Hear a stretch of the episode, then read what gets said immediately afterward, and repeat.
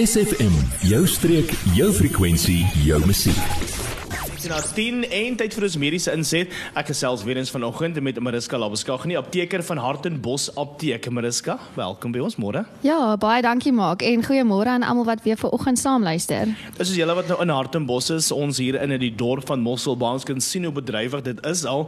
Almal maak reg vir die somervakansie. Nou ons is hier vanoggend om so 'n bietjie raad te gee of jy gee die raad vanoggend wat die kundige is hoe om op te tree vooraf om jouself te beskerm teen sonallergie en die hitte uitslag lag, summer is iets al daai. So ons begin daarmee, is eerstens vanoggend met 'n sonallergie. Vind julle dat dit algemeen voorkom? Ja, maak so kom ons skets eers die perfekte somervakansie prentjie. So jy is nou besig om jou kussie bymekaar te kry. Ehm um, soos ek en ons noem die kliënt so mekaar in. Sy was in die apteek by my. Ons het alles moontlik bymekaar gepak. Goed vir hoofpynne, lyfseer, maagaandoenings, brandwonde. Sy het so tussen alles deur vir my genoem hoe sy haar ou swembroek afgestof het en haar dogters nuwe swembroeke aangekoop het. Maar ons niks wat soos 'n lastige sonallergie um wat jou ligkastele kom afbreek nie. Sy het teruggekom na my toe en vir my gesê Mariska, weet jy daai kussie was wonderlik, maar een ding wat ons nie in gedagte gehad het nie, is die gebied waartoe ons gegaan het. Ek het so uitgeslaan van daai hitte en son dat ek heeldag onder dak moes spandeer.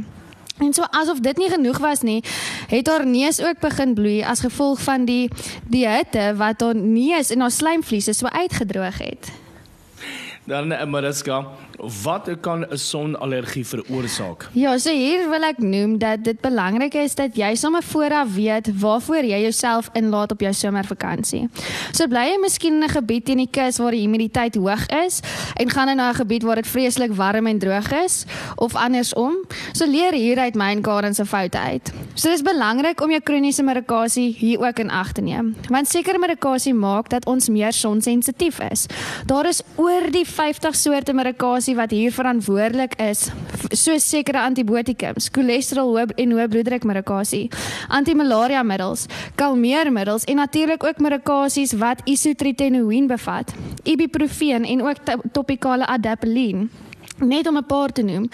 Alhoewel die term van sonallergie baie breed is, dien dit as 'n beskrywing van sekere kondisies wat veroorsaak dat die vel 'n jeukerige uitslag um in uitslaan na sonblootstelling. So die mees algemene vorm van sonallergie is die Engels is polymorphic light eruption.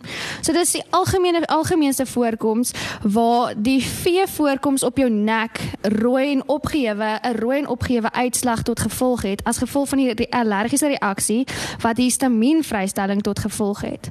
So sekere produkte wat op die vel aangewend word, kan ook so allergiese reaksie veroorsaak, soos aknerome, salwe, reukwaters, ontsmettingsmiddels en sekere chemikalieë in sonskerm.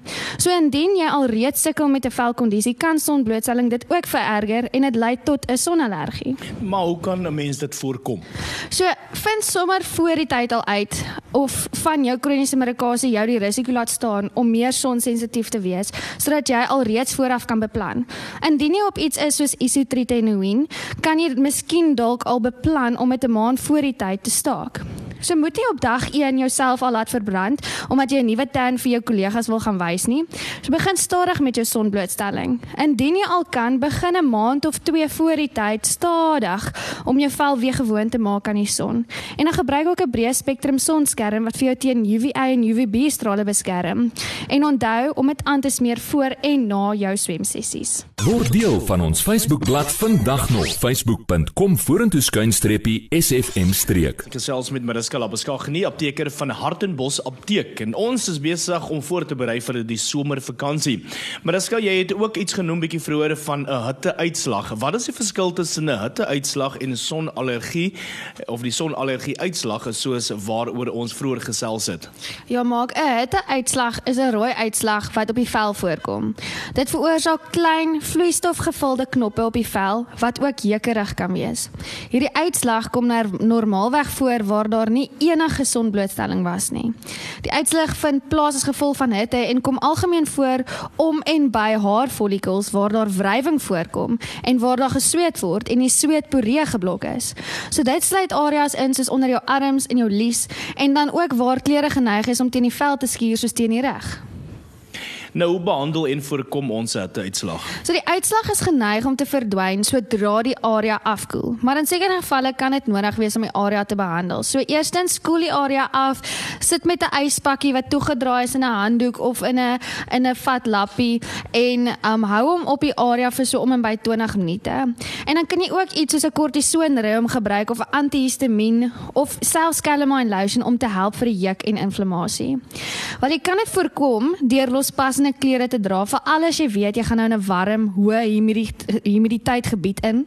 Dan dra ook klere wat deurlaatbaar is vir sweet en maak gebruik van 'n antiperspirante deodorant om te help vir sweet. En dan vir my rome en salwe wat jou sweetporee kan blokkeer dan babas is baie geneig tot 'n uitslag. Ons sien dit keer op keer waar hulle uh, lae klere aangetrek word in hierdie somer en dan stoot die mamma die kind daarin op die stootwandjie. Um waar hulle lê nog onder kombersies en dan sit die kinders met 'n hitte uitslag en dan probeer om nie in die hitte van die dag aktief te wees nie. So bly dan eerder in 'n verkoelde omgewing of in die koelte en wanneer jy fisiese aktiwiteite wil verrig, doen dit vroeg in die oggend of laat in die middag wanneer die dag begin afkoel. Maar dis nou, hoe gaan ek die verskil kan sien of weet wat die verskil is tussen 'n hitteuitslag en 'n sonallergie? So as ons nou na die areas moet vergelyk, ehm um, die die blootgestelde area wat direk aan sonlig blootgestel was, was sal aandui op 'n sonallergie as daar 'n uitslag is. Indien die area toe was en moontlik op 'n klam area was en soos ons bo gesê het, dalk by 'n area waar op wrywing ehm um, moontlik uh, teenwoordig was, kan dit 'n aanduiding wees van 'n hitteuitslag. Dan 'n hitteuitslag is uitslag is meer geneig om te verdwyn na 'n sekere tyd, soos wanneer dit afgekoel het. 'n Sonallergie uitslag kan aanhou totdat die irritant verwyder is, soos byvoorbeeld wanneer 'n sekere medikasie die oorsaak is van die allergie. Jy, ja jy. Nou dat ons jou aandag het, vertel jou vriende van SFM en ondersteun plaaslik. SFM maak elke dag 'n goed gevoel dag. SFM. Ek is Mark Rilofsie, hy's op SFM. Dis uh, medies wat ons gesels of ons mediese inset en ek gesels met uh, Mariska Labeskagh, apteker van Hartenbos Apteek. Nou Mariska, met ons laaste gedeelte van die gesprek wil ons 'n uh, bietjie gesels oor somers itch. Wat is somersitch? Ja, so maak hou vas, want toe ek hierdie stuk nagevors het, het my hare eintlik reg opgereis op my liggaam. So somersitch of circadial dermatitis is 'n soort uitslag wat veroorsaak word deur parasiete wat in vars water of in sout water voorkom. So dit sluit die see en die damme en die strandmere in. Dit is nie 'n aansteeklike kondisie nie, want dit is nie dit is net 'n allergiese reaksie wat ook met tyd self kan opklaar. So wanneer jy in water water swem wat deur die parasiete geïnfekteer ge is, kan die parasiet homself in jou vel inwurm. So kom ek verduidelik meer oor die parasiet. Die parasiet infekteer eintlik sekere voëls en soogdiere. Dit word dan deur die diere uitgeskei en vrygestel op die strande. Eiers word uitgebroei en mikroskopiese larwes word vrygestel. So hierdie larwes beland dan in die in vars water of sout waar hulle slakke gebruik as hulle gasheer.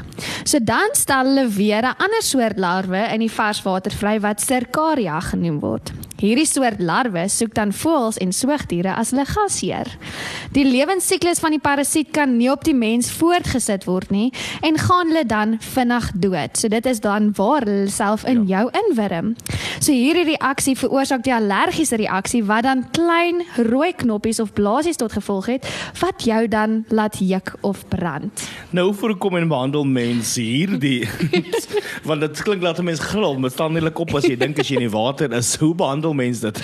Ja, so eerstens vir my vlak stilstaande water Dit is hier waar die meeste van die larwes voorkom. So ek sien dit as daar waar die Hartenbos Lagoon so Ja. oop. So daar waar dit so lekker stil staan. Ja. Vermy dit. Gaan sien waar die water die hele tyd spoel en nie beweeg is, gaan daai kant toe ja. Droog jouself af dadelik sodra jy klaar geswem het en indien moontlik spoel jouself af. Die behandeling bly maar dieselfde soos vir 'n hitteuitslag en selfs vir 'n sonallergie. 'n Antihistamiin sal help vir die allergiese reaksie en die heukerigheid en dan 'n kortisonroompie sal ook help as daar enige inflammasie is. Maar dis ja baie dankie vir die raad, al die inligting en nou kan ons regmaak, inkopies gaan doen en regmaak vir die somervakansie. Waar kan jy luister daar as jy in die hande? Ja, maak ons is reg oorkant Laerskool Hartenbos. Hartenbos Apteek die eet is ons Facebookblad of hulle kan ons skakel by 044 695 1510. Daar sê baie baie dankie en 'n lekker dag verder. Ja, dankie Selemaak. Adverteer jou besigheid vandag nog op SFM. Vir meer inligting skakel SFM gerus by 044 801 7811.